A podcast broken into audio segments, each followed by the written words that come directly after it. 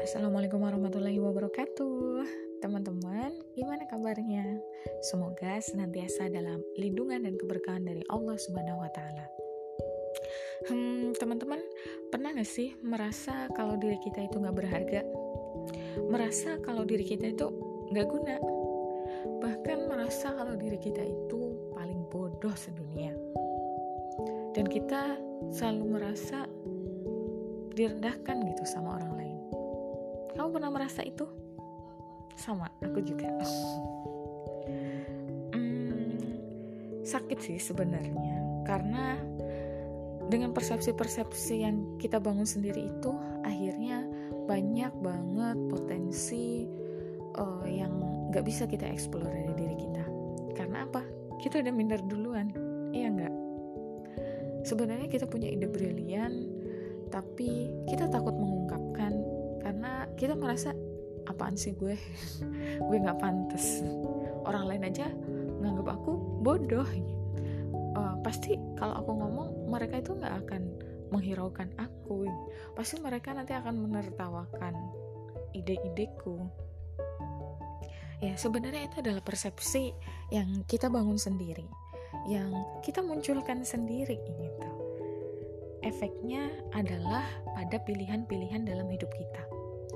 Bayangkan kalau kita menganggap sesuatu itu baik, pasti kita akan mencoba untuk mengejarnya.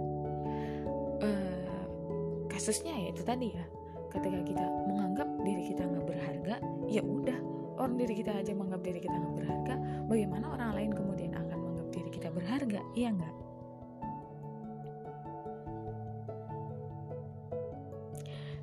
ini juga yang sering muncul uh, di benak aku sebelumnya dan juga di uh, benak banyak orang mungkin yang minder gitu ya kasusnya kayak aku. Mereka merasa bahwasannya diri mereka itu apa? Kayak remahan rengginang butiran pasir yang tiada artinya gitu ya. Uh, remah-remah yang nggak uh, berguna gitu. Ya kalau dia udah punya persepsi kayak gitu ya memang dia begitu. Karena dengan dia diri dia atau diri kita kemudian seperti itu maka ya seperti itulah. Karena uh, persepsi kita itu akan membangun tingkah laku kita. Apakah bisa orang yang menganggap dirinya remahan rengginang lalu dia bisa mencapai prestasi yang gemilang? Orang dia dia sendiri aja nggak menghargai dirinya. Padahal Allah menciptakan manusia itu dengan tujuan yang tinggi gitu sekedar remah-remahan. Bayangkan kita lahir saja ke dunia ini itu kan berkompetisi ya dengan sekian ribu mohon maaf ya sperma gitu ya. Ya akhirnya lahirlah diri kita. Dan di sisi lain kita harus ingat bahwasannya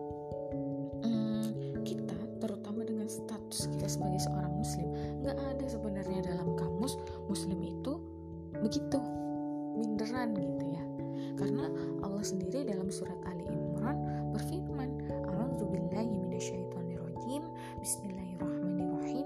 Kuntum khaira ummatin ukhrijat linnas ta'muruna bil ma'ruf wa tanhauna 'anil munkar wa ulaika humul muflihun. Bahwasanya kalian kuntum adalah umat terbaik. Siapa yang dimaksud kita sebagai seorang muslim? Apa ciri-ciri umat terbaik? Uh, bahkan kita diturunkan kepada ukhrijat linnas kepada manusia gitu ya. Kepada seluruh manusia. Umat terbaik di antara manusia-manusia yang lain.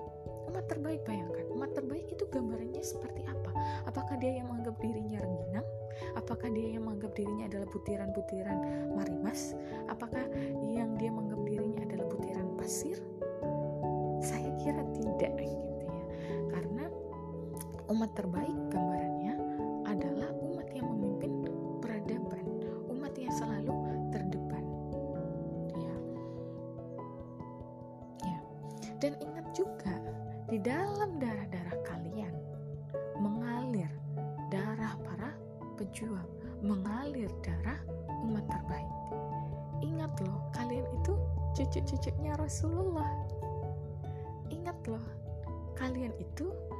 cucu-cucunya Muhammad Al-Fatih, Salahuddin Al-Ayyubi. jangan salah gitu ya. Jangan pernah menganggap diri kalian itu lemah. Kalian itu hebat. Kalian itu luar biasa ya. Uh, Allah berfirman dalam surat Ali Imran 139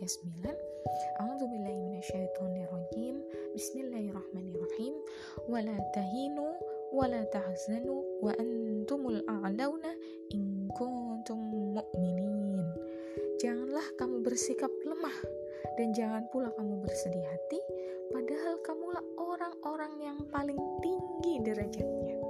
Itu ayat untuk siapa? Untuk kalian kaum muslimin. Jika kamu adalah orang-orang yang beriman syaratnya adalah beriman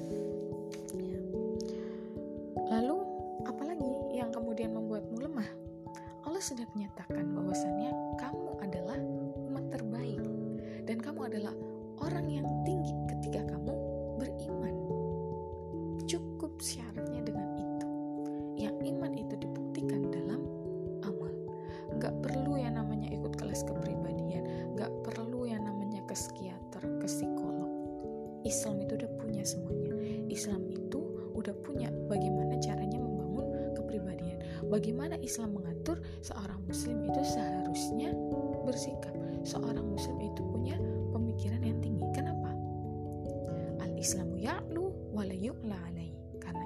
Islam itu tinggi dan tidak ada dan tidak akan ada yang lebih tinggi dari Islam Artinya, siapa yang memegang sesuatu yang tinggi itu, maka dia akan menjadi tinggi. Kuncinya adalah beriman. Oke teman-teman, jadi sampai sini sebenarnya nggak ada alasan, nggak ada celah bagi kita sebagai seorang muslim, hamba yang kemudian Allah janjikan ketika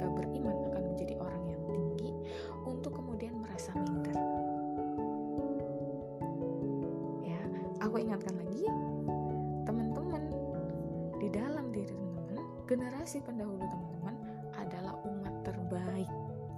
Nggak ada alasan buat teman-teman itu minder. Teman-teman takut misal untuk kemudian melakukan sesuatu karena takut gagal. Tenang teman-teman itu punya Allah. Ya setiap Allah memberikan satu kesulitan Allah bukakan begitu banyak pintu kemudahan. Inna mangal usri yusra. Al usri wal yusra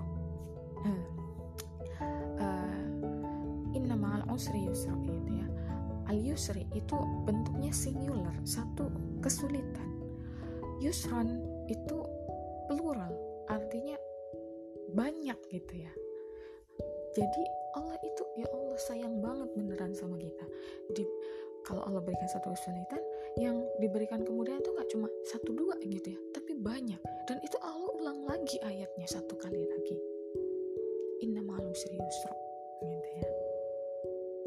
Jadi teman-teman nggak perlu takut ya. Sekarang apa yang harus teman-teman lakukan? Berdamailah. Maafkanlah diri teman-teman di masa lalu. Berdamailah dengan masa lalu. Ya. Aku yakin teman-teman bisa membuat diri teman-teman berharga dengan memaafkan diri teman-teman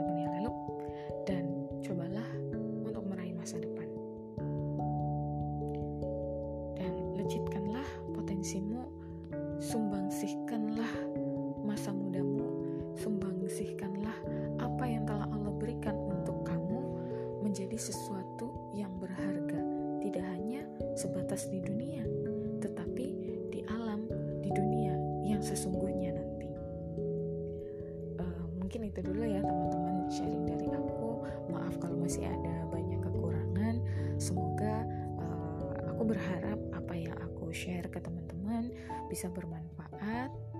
Uh, kalau kalian merasa ini bermanfaat silahkan uh, aku nggak masalah untuk di share aku malah terima kasih banget buat teman-teman yang mau share podcast ini. Semoga ini bisa menjadi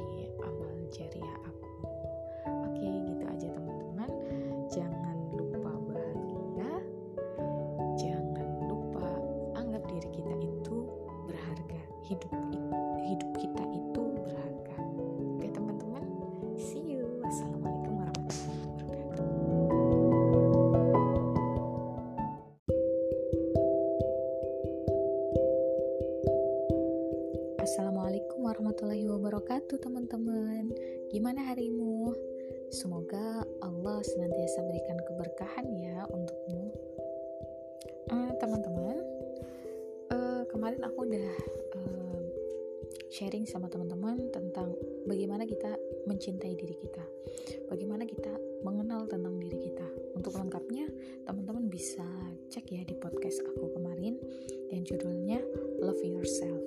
Uh, kayak judul ininya BTS ya tapi nggak masalah. Uh, intinya ya begitu. Teman-teman dengerin aja deh sendiri. Nah sebelum itu aku juga kepengen di um, segmen malam ini aku pengen berbagi kenapa sih namanya itu Kobicho nama podcast aku itu Kobicho hmm, apa sih artinya Kobicho itu? Uh, sebenarnya nama ini aku dapat tahun berapa ya kira-kira? 2016 kalau nggak salah. Berarti sekitar tiga tahun yang lalu ya uh, ini dari proses yang cukup panjang aku pikirkan berhari-hari um, dan akhirnya alhamdulillah Allah menunjukiku dengan nama yang aku suka banget gitu dengan nama ini. Sebenarnya uh, Kobicho itu bukan nama asli aku tapi nama asli aku juga sebenarnya nggak jauh-jauh juga dari Kobicho gitu. Nah uh, jadi Kobicho itu adalah sebenarnya itu penggabungan dari dua kata ya Kobilah dan Choirunisa sebenarnya Hoirunisa ya bacanya. Cuma karena ejaan zaman dulu jadi Ho itu ditulisnya dengan CH bukan dengan KH tapi uh, nggak masalah. Yang aku maksud adalah Khairunisa cuma dengan cowoknya itu tuh jadi lucu gitu ya. Bahkan dulu pas zaman zaman aku masih jadi uh, K-popers uh, itu aku jadikan uh, akronim dengan nama salah satu idol Chokyupe. Karena dulu aku dulu suka Chokyu Hyun dan Choi Min Ho Shiny gitu ya jadinya. Dan uh, Upe itu juga dulu adalah nama yang sering teman-teman panggil ke aku. Jadi namanya Choki Upe ya itu masa masa lalu gitu ya. Dulu nama itu aku suka banget juga gitu ya. tapi ya alhamdulillah uh, tapi karena ya aku rasa nama itu tidak berfaedah aku lebih suka nama yang sekarang gitu ya. Hmm. kalau hmm, ada orang yang mengatakan bahwasannya apalah artinya sebuah nama bagi aku itu amat berarti. Amat berarti beneran. Saking berartinya gitu ya Rasulullah itu dulu sampai pernah mengganti nama uh, salah seorang gitu ya di masanya Rasulullah gitu ya yang itu ngefek banget nanti uh, ke kepribadian kita gitu ya karena dalam sebuah nama itu sebenarnya adalah doa gitu yang penuh dengan pengharapan gitu ya uh, singkat cerita sih kalau uh, yang aku ingat uh, bahwasannya ini hadis diriwayatkan oleh Aisyah radhiyallahu anha bahwasannya Nabi Shallallahu alaihi wasallam biasa mengganti nama yang jelek ya hadis riwayat At-Tirmizi. Hmm, ceritanya pas uh, masa itu Rasulullah Wasallam bersabda, sesungguhnya kalian akan dipanggil nanti pada hari kiamat dengan nama-nama kalian dan nama bapak-bapak kalian. Maka perbaguslah nama-nama kalian. Hadis riwayat Ahmad, Abu Dawud dan Ad-Darimi. Ya, uh, ini ada sebuah uh, fragmen uh, pas masanya Rasulullah ya ada uh, yang namanya Said bin Al Musayyib yang menceritakan bahwa kakeknya yang bernama Hazan pernah datang gitu menemui Rasulullah lalu Rasulullah bertanya kepadanya siapa namamu dia menjawab nama saya Hazan Nabi berkata tidak, namamu adalah Sahal. Dia berkata, saya tidak akan mengganti nama yang telah diberikan oleh ayahku. Kemudian Said bin Al-Musayyab meneruskan, setelah itu dia selalu kelihatan seperti orang yang sedih di tengah-tengah. Jadi uh, Rasulullah kan sudah ya mengganti nama salah seorang di masanya Rasulullah itu tapi ternyata dia nggak mau dan ternyata uh, nama yang sebelumnya yakni Hazan itu menunjukkan gitu ya karakter yang dia itu akan kelihatan seperti orang sedih gitu di tengah-tengah hari. Berarti memang ada sesuatu yang buruk di nama itu sehingga Rasulullah itu ganti. Tuh, makanya termasuk juga di kenapa podcast ini aku namain Kobijo atau Kobilah Coerunisa itu aku juga punya pengharapan yang besar dari nama ini agar nama itu juga uh, apa ya terinternalisasi gitu dalam diri aku. Uh, nah Kobijo sendiri itu apa gitu ya? Tadi aku udah bilang Kobilah dan Coerunisa Kobilah sendiri ya ini dari uh, huruf ko, kof, ba, lam, ya dan tak marbutoh gitu ya. Uh, kalau dalam bahasa Arab itu artinya wise uh, itu bahasa Arab ya. Kalau dalam bahasa Inggris bahasa Inggris artinya bisa wise terus juga bisa uh, artinya adalah uh, bijaksana ya wise atau bijaksana. Dan satu lagi adalah bertanggung jawab. Artinya aku sebagai uh, seorang manusia dan status aku sebagai seorang muslim aku ingin menjadi orang yang bertanggung jawab. Bertanggung jawab terhadap apa? Bertanggung jawab terhadap hidup aku. Jadi uh, ketika kita tahu ya penciptaan kita itu di dunia itu untuk apa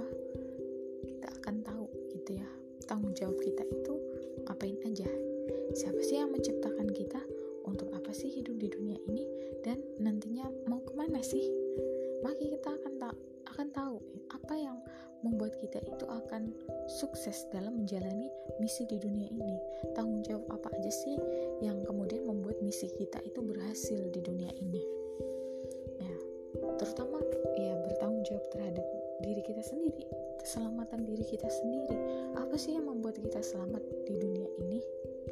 Nah, untungnya gitu ya. Bahagianya kita sebagai seorang muslim Allah itu udah kasih yang namanya petunjuk bagi kita yakni ada di Al-Quran ya yang menjelaskan semua apa aja yang dibutuhkan oleh manusia untuk menyelesaikan misinya di dunia ini. Bayangkan kalau nggak ada Al-Quran gitu ya nggak ada petunjuk dari Allah kita akan kebingungan gitu hidup di dunia ini. Tapi untungnya Allah kasih itu. Dan aku ingin menjadi bagian dari orang-orang yang bertanggung jawab dengan misiku itu. Tentu nggak mudah karena misi ini adalah misi yang besar misi tentang keselamatan kita di dunia gitu ya. Ada perintah yang mengatur terkait dengan diri kita ada yang mengatur terkait dengan hubungan kita dengan masyarakat dan ada yang mengatur aspek hubungan kita dengan Allah secara langsung gitu.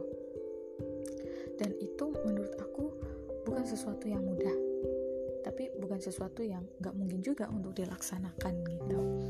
Ya misalkan aja gitu ya. Jadi bukan hanya keselamatan diri kita juga ditentukan dengan ketiga pelaksanaan ini tadi gitu jadi misalkan dalam salah satu hadis dikatakan barang siapa bangun di pagi hari dia tidak memikirkan urusan umatku maksudnya umatnya Rasulullah uh, maka dia bukan dari golonganku bukan dari bagian dari umatnya Rasulullah.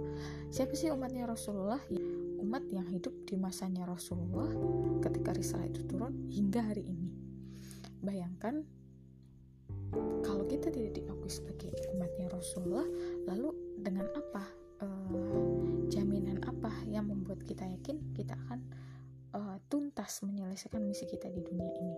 Sementara syaratnya adalah tadi ya yang mendapatkan syafaat itu nanti adalah umatnya Rasulullah tidak ada umat lain yang mendapatkan syafaat maka tadi kenapa aku memilih kobilah karena aku ingin menjadi orang yang bertanggung jawab dengan misiku itu tadi kemudian khairunisa itu artinya adalah perempuan yang baik. Baik dalam Islam sudah punya standar yang jelas. Jadi bukan relatif lagi ya. Kalau menurut aku uh, baik itu gimana ya? Kalau pakai standar aku sebagai manusia suka-sukaan mah e, baik itu ya orang yang perhatian tapi bisa jadi menurut temanku yang lain orang perhatian itu cari muka macam-macam ya. Makanya kalau dalam Islam itu sebenarnya sudah jelas standar baik itu seperti apa. Yakni disandarkan pada syariat Islam. Maka aku ingin menjadi perempuan yang baik dalam Islam itu seperti apa gitu. Itu definisi yang sudah jelas. Dan aku mengharapkan diriku benar-benar untuk menjadi wanita yang baik. Jadi Kobicho atau Kobilah Cuaranisa ini adalah uh, singkatnya adalah perempuan baik yang bertanggung jawab. Gitu.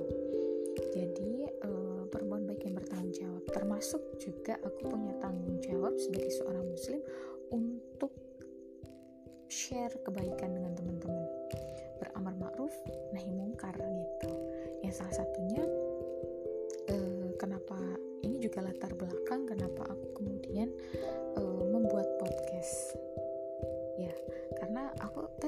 sesuai dengan nama yang aku inginkan aku ingin menjadi perempuan baik yang bertanggung jawab. Uh, aku sering kepikiran Allah itu kan maha teliti ya. Allah itu nanti akan meminta pertanggungjawaban di setiap detik dalam hidup kita. Allah pasti nanti akan meminta pertanggungjawaban untuk apa handphone yang sekarang aku gunakan ya untuk kemudian merekam ini untuk apa aja untuk ngelihat apa aja. Barang-barang uang segala macam yang sarana yang Allah berikan fasilitas yang Allah berikan di dunia ini aku gunakan untuk apa? Pasti Allah akan minta pertanggungjawaban itu nanti. Makanya ketika aku teringat oh aku masih punya waktu yang cukup sebenarnya gitu ya. Aku punya handphone aku punya cukup uang untuk membeli kuota. Kenapa enggak aku bikin podcast? Karena aku takut gitu nanti Allah itu akan mintai pertanggungjawaban karena ada satu kewajiban yang harus aku lakukan yang diperintahkan oleh Allah yakni beramar ma'ruf nahi mungkar. Aku berlindung uh, kepada Allah dari tadi ya sifat ria ujub atau tasmi ya. Uh, yang mungkin itu akan menimpa diriku gitu ya. Aku berlindung supaya Allah uh, senantiasa menjaga niatku ini lurus. Yang pasti aku buat podcast ini itu adalah bentuk Allah bahwasannya uh, sarana yang diberikan oleh Allah tidak aku sia-siakan untuk aktivitas-aktivitas yang sifatnya mubah aja. Artinya mau kita lakukan atau enggak itu enggak mendatangkan dosa ataupun pahala. Kan sayang ya maksudnya udah dikasih waktu sama Allah tapi kita nggak manfaatkan itu untuk meraih pahala gitu. Nonsens gitu waktunya nggak menghasilkan apa pun baik dosa maupun pahala. Dan nauzubillah uh, kalau kita gunakan sarana-sarana yang diberikan oleh Allah itu untuk aktivitas-aktivitas yang menghantarkan kita kepada maksiat ya.